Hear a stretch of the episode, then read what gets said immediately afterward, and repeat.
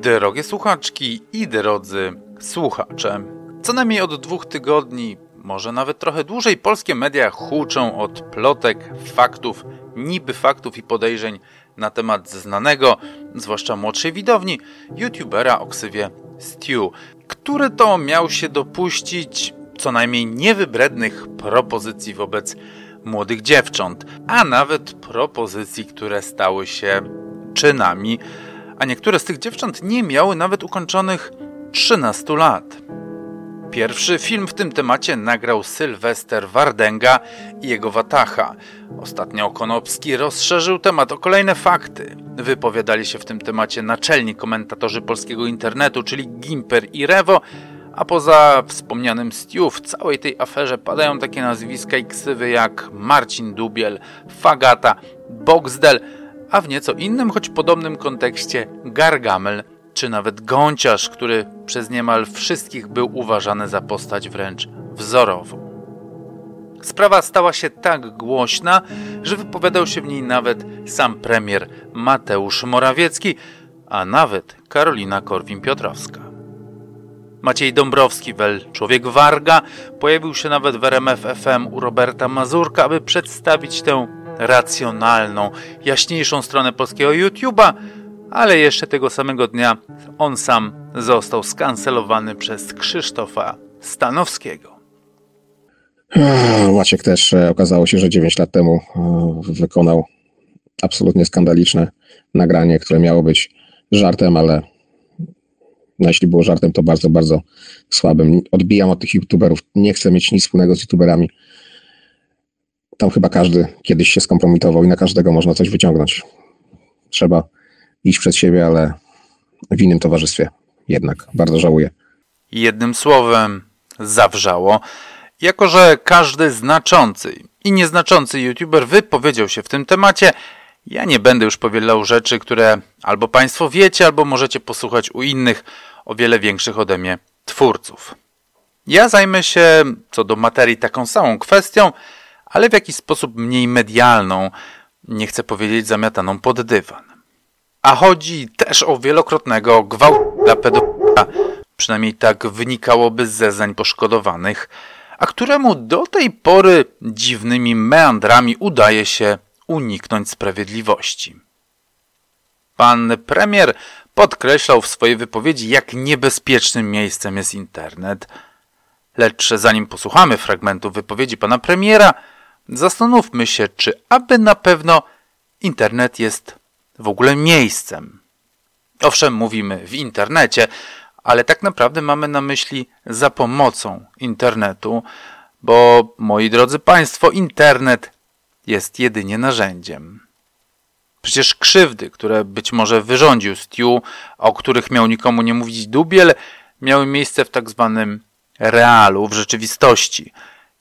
Internet zaś został użyty do wyłapania ofiar, do zmanipulowania ich i wreszcie wykorzystania.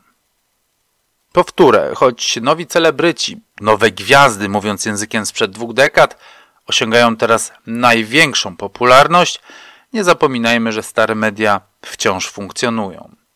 Wciąż mamy teatry i film, wciąż mamy reżyserów i aktorów, wciąż mamy szkoły teatralne oraz młode aktorki, którym bardzo zależy na zaliczeniu egzaminów. No i mamy też aktorów, którzy wykorzystują swój autorytet, aby krzywdzić młode dziewczęta. I o takim aktorze będziemy sobie dzisiaj opowiadać.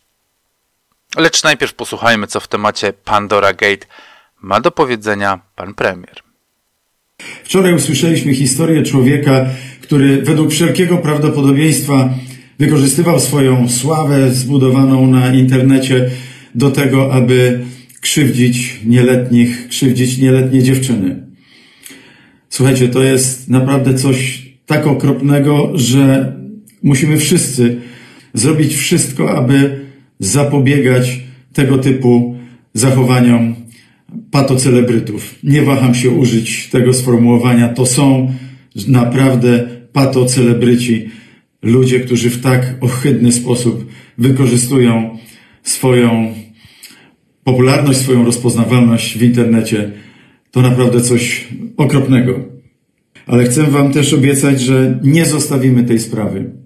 Jako rodzic i jako premier uważam, że państwo polskie mm, musi tutaj również zrobić wszystko, aby chronić również przede wszystkim dzieci i młodych ludzi przed traumą, przed zdarzeniami, które mają swój początek w internecie, ale później mm, w życiu realnym odciskają swoje piętno na całe życie tych młodych ludzi. I dlatego bardzo mocno będziemy działać w tym zakresie, aby zapobiegać wszelkim takim zdarzeniom. Nie ma zgody w państwie polskim na pedofilię, nie ma zgody na takie e, patocelebryckie zachowania. Poleciłem służbie i wszystkim służbom zająć się natychmiast tą sprawą. Oczekuję szybkich i stanowczych działań w tym temacie. Ostrzegam wszystkich, którzy chcą krzywdzić dzieci, krzywdzić młodych ludzi. Spotka was kara, spotka was najbardziej dotkliwa kara, jaka tylko jest przewidziana w polskim prawie. Zaiste to piękne słowa, panie premierze, ale czy czasem pan Bartłomiej M., o którym będę dzisiaj mówił, nie startował może z list pańskiej partii w 2015 roku i czy wtedy nie toczyła się przeciwko niemu sprawa w sądzie z artykułu 197 i to właśnie wobec osoby poniżej 15 roku życia? I czy też wreszcie pan Bartłomiej M. do dzisiaj tak naprawdę unika sprawiedliwości? Być może, ale tylko może to nie internet, nie YouTube jest problemem. Może problem tkwi gdzieś głębiej, może prokuratura jest za mało skuteczna, może policja wykazuje za mało empatii, a może sądy podejmują durne decyzje. Nie będziemy jednak dziś rozstrzygać o tym, jak jest naprawdę. Poznajmy Bartłomieja M. Aktora, byłego harcerza, opozycjonistę w czasach PRL, Polaka katolika, kandydata na posła do Sejmu oraz dziennikarza jednej słusznej telewizji, a w czasie wolnym fotografa, gwałticiela i pedofila.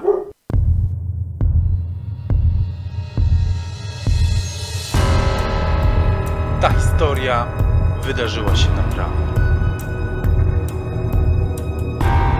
Aby zachować jej spójność, brak niektórych faktów wypełniony został koniekturą i presumpcją. Ja nazywam się Tomasz Szczepański, a to jest Kronika Kryminalna.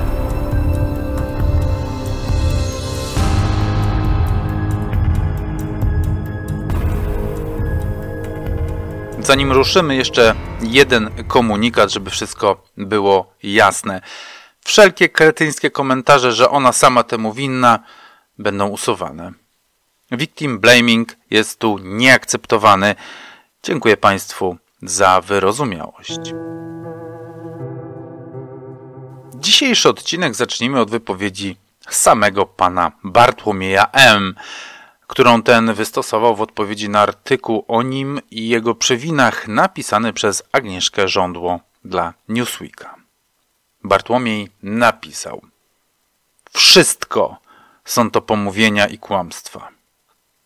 Mam nadzieję, że pierwsza sprawa skończy się spektakularną kompromitacją prokuratury, a sprawa tu, w której mam sporą ilość dowodów i świadków, skończy się tak, jak się zaczęła, czyli na śmietniku. Wszystkie opowieści są wyssane z palca na polityczne zamówienie. Tak, panie Bartłomieju, dokładnie tak to działa. Młode dziewczyny oskarżają facetów o gwałt nie dlatego, że oni są z wyrolami, tylko z pobudek czysto politycznych. Zwłaszcza wobec wannabe polityków, na których zagłosowało 622 wyborców, co daje zawrotny wynik 0,18% głosów, jak to było w pana przypadku. Co nazywa pan Bartłomiej sprawą mitu? Otóż historię, którą opisała właśnie pani Agnieszka Żądło wiosną 21 roku. Historię o drapieżniku seksualnym, który wabił do swojego mieszkania dziewczynki, podawał im napoje wyskokowe, a potem je dotykał. To znaczy, nie tylko dotykał. Pierwsza część tej historii rozpoczyna się w 2009 roku, kiedy to 14-letnia dziewczynka zostaje zwabiona przez Bartłomieja do swojego mieszkania. On ma wtedy 42 lata. Ciężko uwierzyć, że jego drapieżne instynkty obudziły się w tak późnym wieku, prawda? I owszem, mają Państwo rację. Po publikacji wspomnianego artykułu do dziennikarki zgłosiła się kolejna ofiara, która została skrzywdzona już w 1997 roku. Na obozie harcerskim, gdzie pan Bartłomiej bywał nader częstym gościem, takich dziewcząt z tamtego okresu może być zatem więcej. Ale do tego, proszę Państwa, wrócimy za chwilę. Zacznijmy od 2009 roku. Dziewczynka, którą dziennikarka nazwała Berenika i którą my także będziemy tak nazywać, nie była tylko piękna, ale i mądra. Nawet król musiałby się zgodzić, że to inteligentna dziewczynka, bo poza najlepszymi wynikami w szkole grała także w szachy. Jej marzeniem zaś był teatr, ale także modeling. Więc za namową koleżanek, aby stworzyć sobie portfolio i przygotować potencjalną karierę, założyła sobie profil na Max Models, portalu dla ludzi z branży modelingu. Szybko odezwał się do niej fotograf, mający dobre oceny w serwisie, a ponadto, kiedy Berenika go sobie wygooglała, okazał się być aktorem, który zagrał w kilku filmach o znanych tytułach. Facet wydawał się zatem być godnym zaufania. Jak to zresztą u pedofilów często bywa, nie są oni jakimiś odkleńcami, nie rzucają się w oczy swoją dziwnością. Są zazwyczaj uprzejmymi, sympatycznymi mężczyznami, którym ciężko jest cokolwiek zarzucić.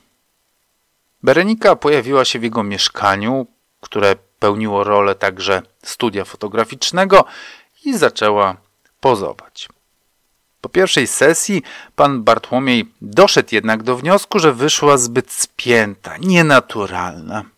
Zaproponował zatem, jak to zazwyczaj czynią czterdziestoletni faceci wobec czternastolatek, że zrobi jej drinka na rozluźnienie. Dziewczynka w pierwszym odruchu trzeźwo odmówiła, ale pan Bartłomiej naciskał. Mówił, że zrobi słodziutkiego, że nic nie poczuje że dzięki temu zdjęcia będą lepsze, a ona będzie miała większe szanse na przyszłą karierę. Dziewczynka dała się więc namówić i tego drinka wypiła. Była wtedy sparaliżowana strachem i bała się odmówić. Nie jestem psychologiem i nie opiszę Państwu dokładnie tego działania, ale to sytuacja, kiedy strach jest tak silny, że skupiamy się bardziej na tym, aby go nie okazywać, niż racjonalnie odbierać rzeczywistość. Zamiast uciekać, staramy się zatem uśmiechać i robić dobrą minę do złej gry. Składa się na to wiele czynników psychologicznych i głupotą jest twierdzić, że to po prostu głupota. Warto o tym pamiętać, zanim zacznie się wypisywać swoje oburzone mądrości, że dziewczyna sama pchała się w łapy z wyrola. Wypiła zatem drinka, który rzeczywiście smakował jak soczek, a już po chwili poczuła się lekko, jak pierzasty obłok na błękitnym niebie. Jak ręką odjął, znikły też jej wszystkie obawy i poczuła błogość. Bartek uśmiechał się do niej obleśnym uśmiechem gwałcić pedofil, ale ona wtedy tego tak nie postrzegała. Dla niej w tamtym momencie wydawał się ten uśmiech miłym i sympatycznym. Połóż się na wersalce, powiedział do niej ten ponad czterdziestoletni facet. Połóż się, a ja pomasuję plecki. Powieki nastolatki stały się ciężkie, głowa niby z ołowiu opadła na wątłe ciałko. Tak, pomyślała Berenika, to chyba dobry pomysł, aby się położyć. Jestem taka zmęczona. Jej ciało było bezwładne, kiedy aktor, były harcerz, opozycjonista w czasach PRL, kandydat na posła do Sejmu oraz dziennikarz telewizyjny, zaczął ją dotykać. Ona pamięta to jak przez mgłę, przebłyski świadomości. Zdjęcia jak z polaroida, zdejmuje z niej ubranie, czuje jego palce, chce, ale nie może zareagować. On się też rozbiera. Bernika nie ma nawet sił się odezwać, widzi go w całości. Widzi takiego, jak go Pan Bóg stworzył Jego wąsze zaczynają penetrować. Bernika też to widzi, ale czuje się, jakby oglądała to wszystko z boku, jakby stała obok, jakby to nie o nią chodziło. I nagle pstryk.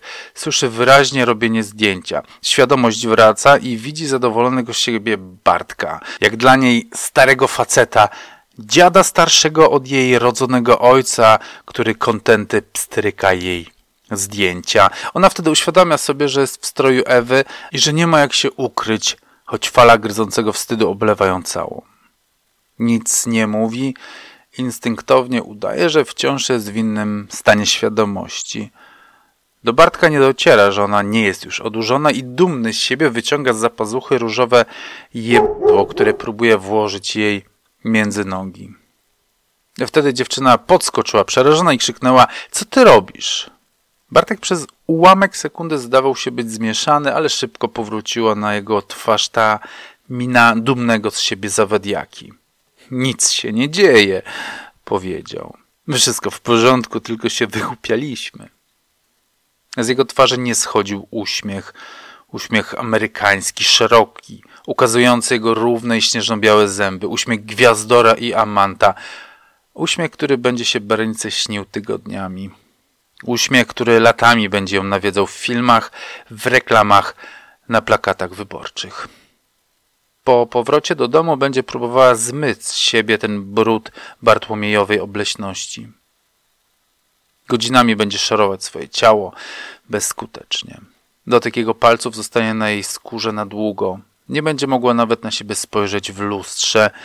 Będzie się czuła upokorzona, wykorzystana, zgnojona.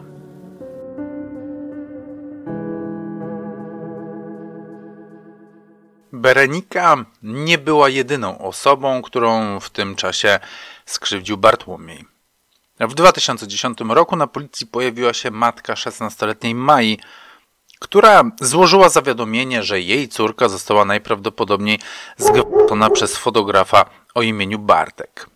Kobieta zeznawała, że rzekomy fotograf podał jej córce drinka, najpewniej z jakąś substancją, po której dziewczynka straciła kontakt z rzeczywistością. Postępowanie jednak zostało umorzone. Powód brak dowodu oraz danych podejrzanego.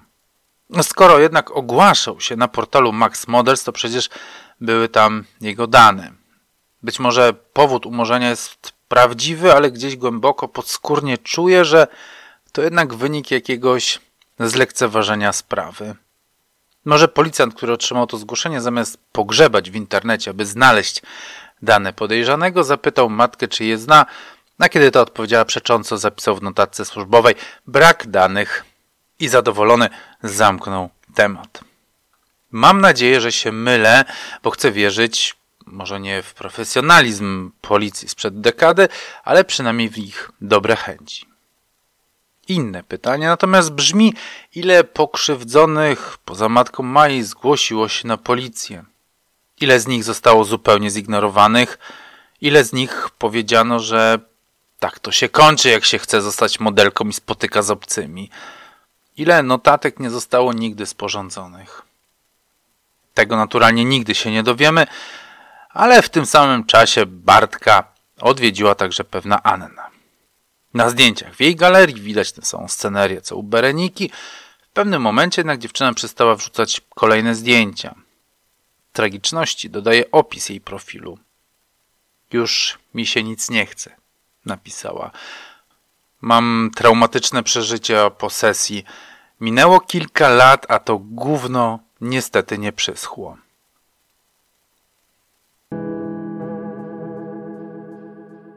Można by rzec, że Bartek jest romantycznym gwałtem i przywiązuje emocjonalnie się do swoich pokrzywdzonych, gdyż w swoje 18 urodziny w 2013 roku Berenika dostała od Bartka wiadomość.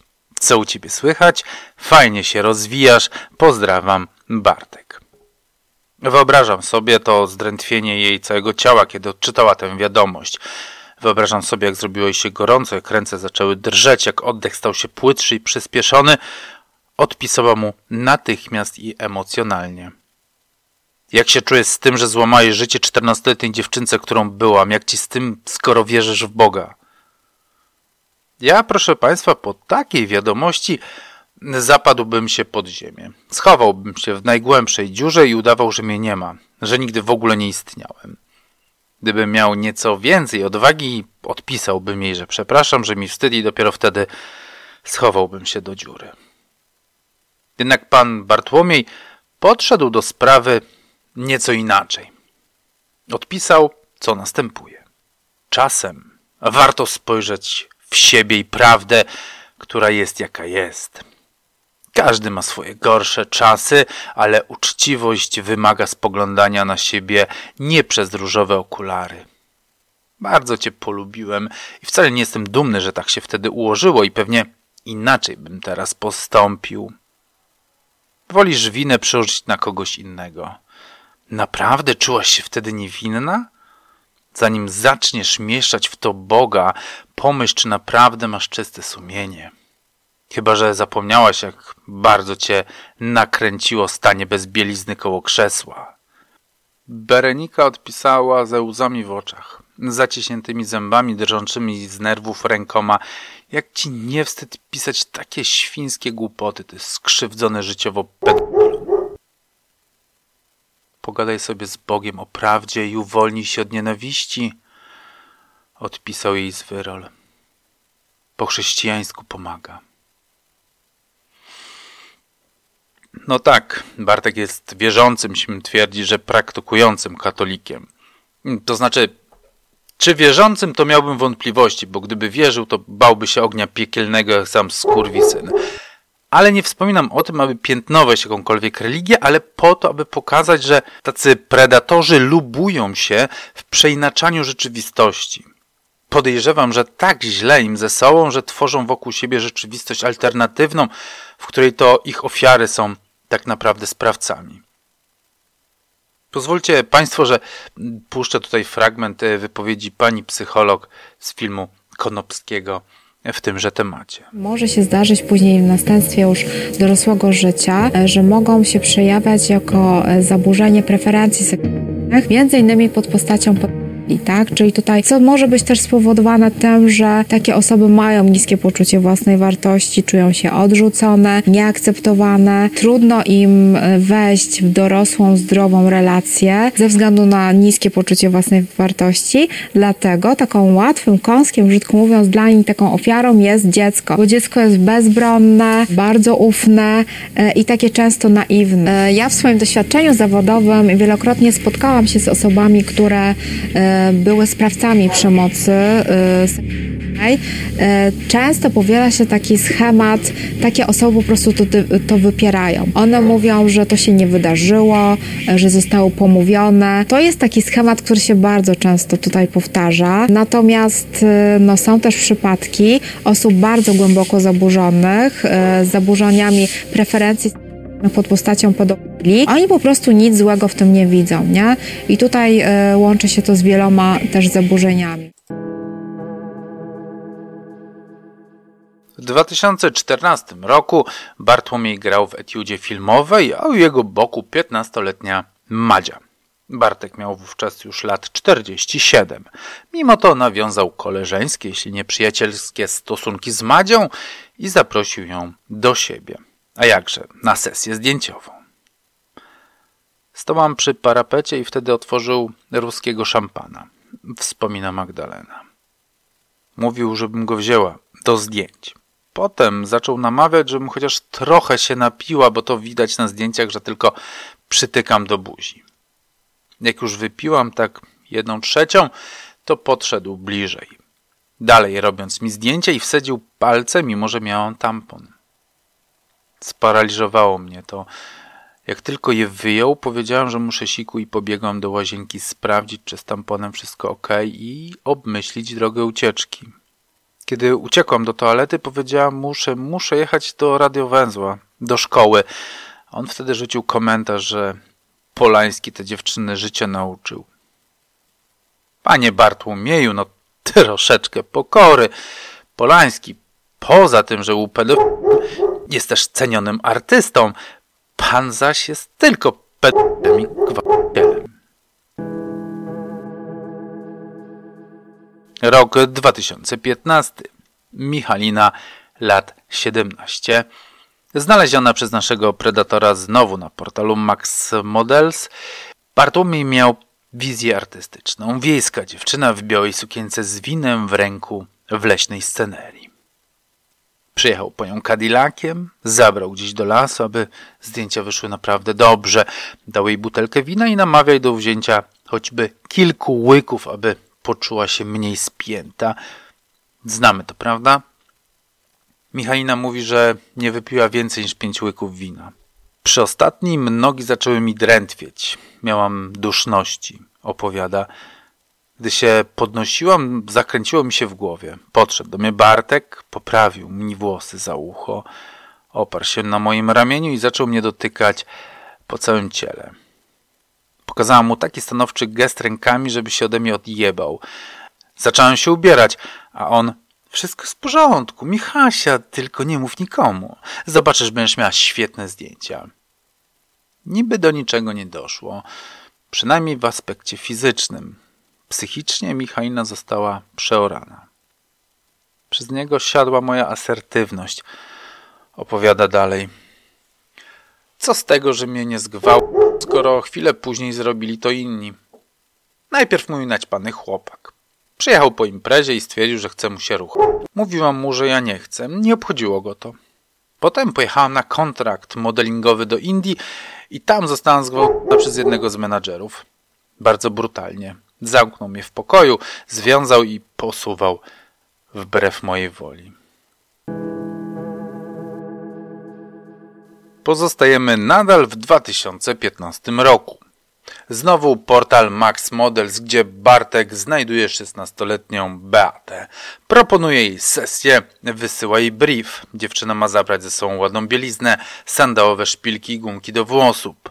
Wypija dwa, trzy drinki na rozluźnienie, bo to pomaga początkującym modelkom i będą strykać zdjęcia. Beata mówi, że nie powinna pić, bo bierze leki. Bartek oczywiście nalega. Jednak już po kilku łykach Beata poczuła, że coś dziwnego się z nią dzieje. Myśli sobie, że to przez leki i pozuje dalej do zdjęć. Od pewnego momentu jest fotografowana z obnażonymi piersiami, potem z ręką w majtkach, pisze Agnieszka Żądło. Bartłomiej M. wykonuje też zdjęcia ze zbliżeniem na krocze. Rozbiera ją do naga i owija jej ciało lateksową gumą do ćwiczeń.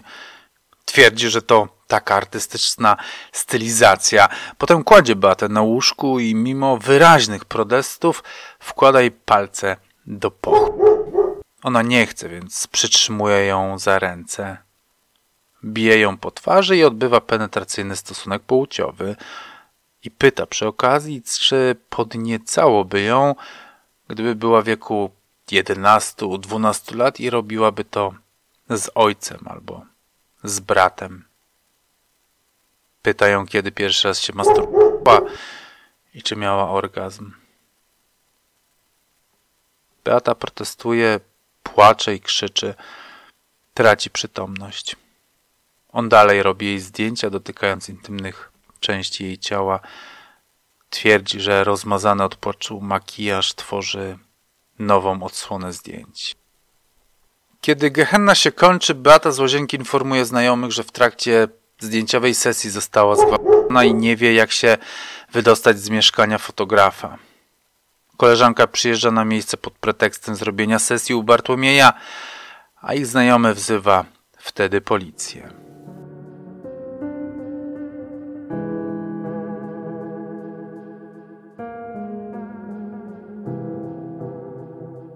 W idealnym świecie Bartkowi założono by na ręce bransoletki, usłyszałby zarzuty i po wyroku sądowym z artykułu 197 zostałby zamknięty na 12 lat więzienia, może i na dożywocie.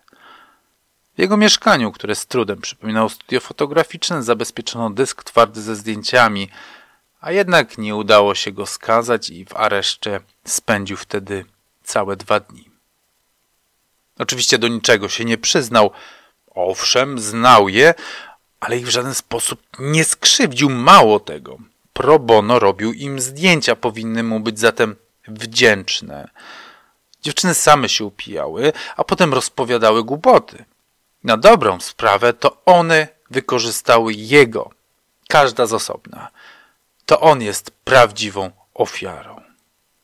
Lubiły ostry seks ze starszymi facetami, zeznawał. Lubiły przemoc i robienie im nagich zdjęć. Słowo przeciwko słowu, można by rzec. Mniej ciekawie się robi, gdy spojrzymy na statystyki policyjne. Od 1999 roku wzrasta liczba zgłoszonych przypadków gwałtu i wszczętych w tej sprawie postępowań. W 1999 było to około 1800, w 2020 prawie 2200. Spada jednak liczba przestępstw stwierdzonych. Na początku wieku było to około 2000, teraz około 1000 z kawałkiem. Czyli połowa zgłoszonych przypadków, zgodnie z organami ścigania, nie miało znamion przestępstwa. No nic, tylko się cieszyć, żyjemy w pięknym państwie, gdzie kobiety nie są gwałcone. Chyba, że, choć to przecież niemożliwe, wciąż podchodzi się do tego tematu z rubasznym śmiechem Andrzeja Lepera. No pierwsze to jak można zgwałcić, To jest... Po dwóch dniach w areszcie Bartek wychodzi na wolność i odpowiada z wolnej stopy.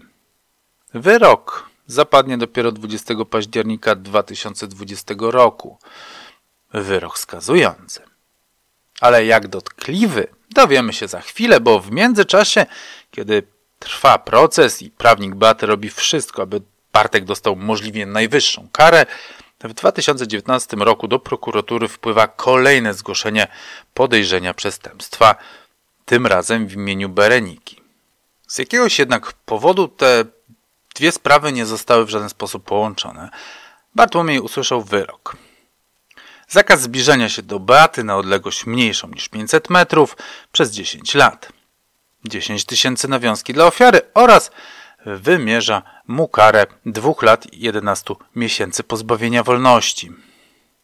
Wyrok ten jednak nie jest prawomocny i Bartłomiej zostaje na wolności. I oczywiście złożył apelację, próbując udowodnić niepoczytalność oskarżającej go dziewczyny i wskazując nieścisłości w jej zeznaniach. W międzyczasie, w czerwcu 2021 roku, po publikacji tekstów Agnieszki Żądło, prokuratura znowu zainteresowała się Bartłomiejem i zatrzymała go w areszcie na trzy miesiące. Areszt ten przedłużono do sierpnia 2022 roku ze względu na poważne zarzuty. Było ich w sumie 14, w tym skrzywdzenie 13 dziewcząt, o których Państwu przed chwilą opowiadałem i których wspomnienia cytowałem. Pojawiły się także nowe pokrzywdzone – Dziewczęta, dziś już kobiety, które miały tę nieprzyjemność spotkać pana Bartłomieja w latach dziewięćdziesiątych. Opowiedzmy sobie o nich. Ania, niegdyś harcerka, która pamięta Bartka z tamtych czasów, opowiada, że przyjeżdżał on na obozy jako dawny harcerz, działacz krapkowskiej trzynastki i opozycji solidarnościowej. Jego obecność wydawała się wtedy naturalna i fascynująca, Nikt nie myślał, że w miejscu, gdzie obowiązują podwyższone zasady etyczne, może wydarzyć się coś złego. Wszystkie żeśmy się wtedy w Bartku podkochiwały, dodaje Ania. Teraz wszystko wydaje mi się takie niepokojące. Dlaczego on z nami jeździł na te obozy? Kto mu na to pozwalał? Ania zaczyna sobie przypominać kolejne niepokojące fakty. Zabierał dziewczyny na spacery, do kościoła, Jeździł z nimi na pielgrzymki. Siedziałyśmy na ławce, a on nas obejmował, mówi. Na obozie grał na gitarze, siedział w samych majtkach. W sumie teraz wydaje mi się to dziwne. Spędzał z nami czas na rozmowach przy ognisku, chodził na spacery, przytulał się do różnych dziewczyn, ale to nigdy wtedy nie wydawało nam się dziwne. Dopiero teraz to widać. Myśmy mu na kolanach siadały. Raz zaprosił nas do Warszawy, przypomina sobie Ania z niesmakiem. Myśmy miały po 12-13 lat, a on z nami w jednym łóżku wtedy spał. Po środku. I przyjeżdżał z Warszawy, aby z nami spędzić czas. Stary dziad. Jak ja sobie o tym pomyślę, to aż mi się niedobrze robi. Zaproszenie do Warszawy dostała także niejaka Zosia. Bartek miał nam pokazać stolicę, opowiada, ale mama nie pozwoliła mi jechać. Powiedziała, że to stary pedofil, żebym trzymała się od niego z daleka. Teraz jestem jej za to taka wdzięczna. Krótko po napisaniu przez panią Agnieszkę żądło tekstu o Bartłomieju odezwała się do niej kobieta. Po przeczytaniu tego artykułu wróciły do niej wszystkie koszmary, które próbowała ukryć w niepamięci.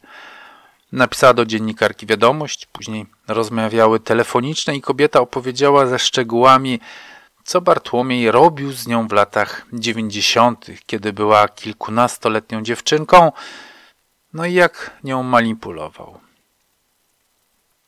I w tym miejscu znowu się nieco obawiam tych wszystkich geniuszy, którzy ze względu na nieznajomość ludzkiej psychiki będą krzyczeć to czemu tak późno o tym powiedziała, tyle lat milczała, teraz nagle jej się przypomniało. Proszę Państwa, to też zostało już wiele razy opisane, ale dla tych, którzy się z tym nie spotkali, pragnę wyjaśnić, że ofiary manipulowane przez swoich sprawców mają często poczucie winy. Uważają, że to one zrobiły coś złego wstydzą się swojego zachowania, etc. To wszystko sprawia, że albo wypierają ze swojej świadomości tę traumę, albo milczą i sami się z nią zmagają całe życie.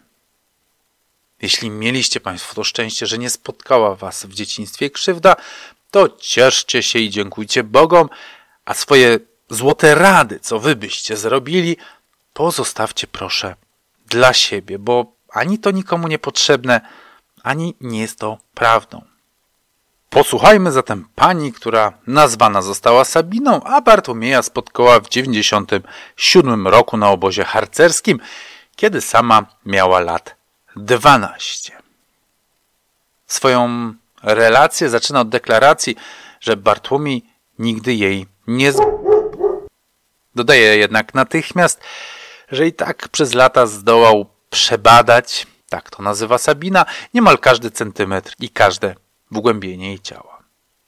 Kiedy to się zaczęło, opowiada, miałam 12 lat. Bartek był wtedy około 30, choć wydawało mi się, że jest dużo starszy. Był stałym bywalcem na naszych obozach harcerskich. Pojawiał się jako stary druh, przyjaciel harcerzy. Pojawiał się na tydzień, może więcej i znikał niczym harcerski celebryta. Wszyscy się nim zachwycali, ja też. Zabawiał młode dziewczyny, zawsze siadał w żeńskiej części stołówki, był przyjazny, żartobliwy, opowiadał o Kanadzie, gdzie miał swego czasu żonę i robił tam studia aktorskie. O podróżach po krajach Morza Śródziemnego, gdzie pracował jako rezydent turystyczny. Wie pani, jak to jest, jak przyjedzie wujek z Ameryki z cukierkami? Wszyscy myślą, wow, on jest takim bóstwem. Spędzajmy z nim czas, napawajmy się jego dobrą energią. A to był rok 97, nie było w Polsce zbyt kolorowo i bogato. Słuchałam go z zapartym tchem. Nie myślałam, że to są zaloty, raczej widziałam to jako przyjaźń. Gdy zyskał moje zaufanie, wspierał mnie przy nocnych wartach. Nie zapomnę, jak rozkładał kocyk pod drzewem. Przytulał mnie, żebym nie zmarzła. Dotykał, Zachęcał do siadania na kolanach. Wydawało mi się, że jestem przez niego wyróżniona. Może nawet podkochiwałam się w nim? Gdy skończyłem szóstą klasę podstawówki, jakimś cudem udało mu się mnie i moją koleżankę Anię ściągnąć z Opola do Warszawy. Wynajmował mieszkanie z jakimiś ludźmi. Spałyśmy u niego przez dwie noce, a potem zabrał nas do mieszkania swojego brata, który był wtedy na wakacjach ze swoją rodziną. Wszyscy spaliśmy na jednym łóżku. Obudziłam się, gdy wkładał mi rękę do majtek. Dotykał mnie.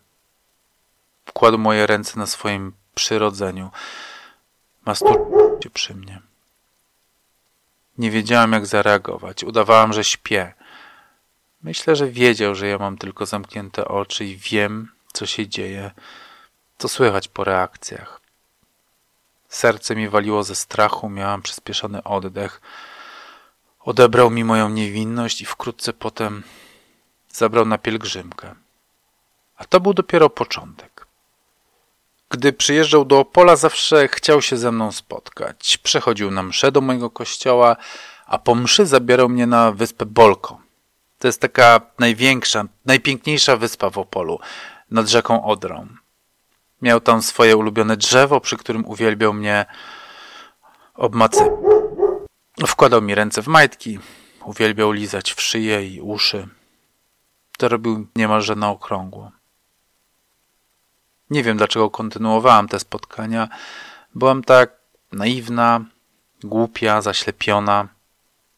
Nie wiem, jak ja mogłam na to pozwolić. On zawsze powodował we mnie poczucie winy, że odmową odbieram nam zabawę i fajnie spędzony czas, że nasza przyjaźń przez to ucierpi, że przecież to nic takiego, przecież mogę być blisko z przyjacielem. Nie było dla niego miejsca, w którym czułby się onieśmielony. W parku, przed szkołą, na obozach, na biwakach, na stacji pociągów, na przystanku autobusowym, w mieszkaniu brata, na tylnym siedzeniu w aucie. Prosił, bym w miejscach publicznych nazywała go wujkiem, a mnie się to wydawało takie śmieszne i zabawne. Odgłosu jego sapania przy moim uchu chyba nigdy się nie pozbędę i tych słów Proszę, nie bądź taka, przecież nic złego nie robimy. Ostatni raz spotkałem się z nim, gdy byłam już w szkole średniej.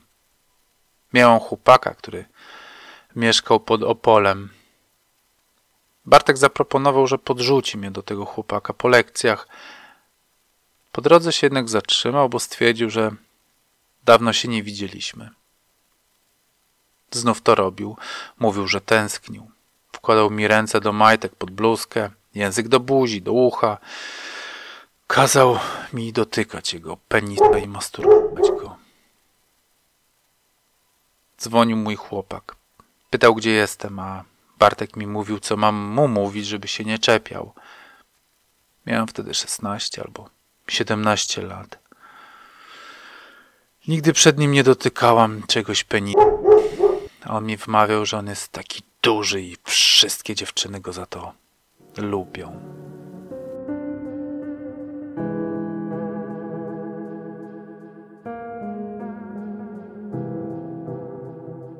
Wróćmy jeszcze do czasów obecnych.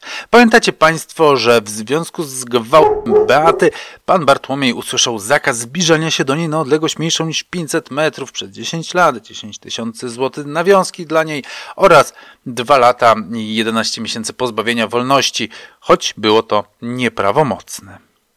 No i tak, kiedy siedział zamknięty w areszcie i toczyło się przeciwko niemu nowe postępowanie z 14 zarzutami, Sąd apelacyjny po zapoznaniu się z dowodami wydał wyrok prawomocny. Uznał, że nie ma dowodów na winę Bartłomieja i go uniewinnił. Najwyraźniej toczący się równolegle proces, w którym oskarża go 13 poszkodowanych o te same zbrodnie, nie zrobiły na sądzie żadnego wrażenia. No ale mniejsza o to, nie ma co płakać nad rozlanym mlekiem. 29 listopada 2022 roku ruszył wreszcie proces o wielokrotne przestępstwa seksualne pana Bartłomieja. Już kiedy widzimy światełko w tunelu? Okazuje się, że 19 stycznia 2023 roku sąd stwierdza, że czas uchylić mu areszt tymczasowy. Niech odpowiada z wolnej stopy. I teraz uwaga. Po wypowiedzi pana premiera, że jako rodzic i jako premier uważam, że nie ma zgody w państwie polskim na pedofilię, nie ma zgody na takie e, patocelebryckie zachowania. Dosłownie cztery dni temu, 9 października 2023 roku, okazuje się, że, cytuję, z uwagi na zmianę składu orzekającego, konieczne będzie otwarcie przewodu sądowego, co wynika z obowiązującej w procesie karnym zasady niezmienności składu orzekającego. Czyli cytując poetę. No i chuj, no i cześć. Cały proces trwający blisko rok w bombki strzelił. No i zaczynamy od nowa. No to co, drodzy Państwo, chyba na dzisiaj już starczy, co? Ja idę zwymiotować, a Państwa pozdrawiam serdecznie i mimo wszystko życzę udanego weekendu. Do usłyszenia następnym razem. Pa!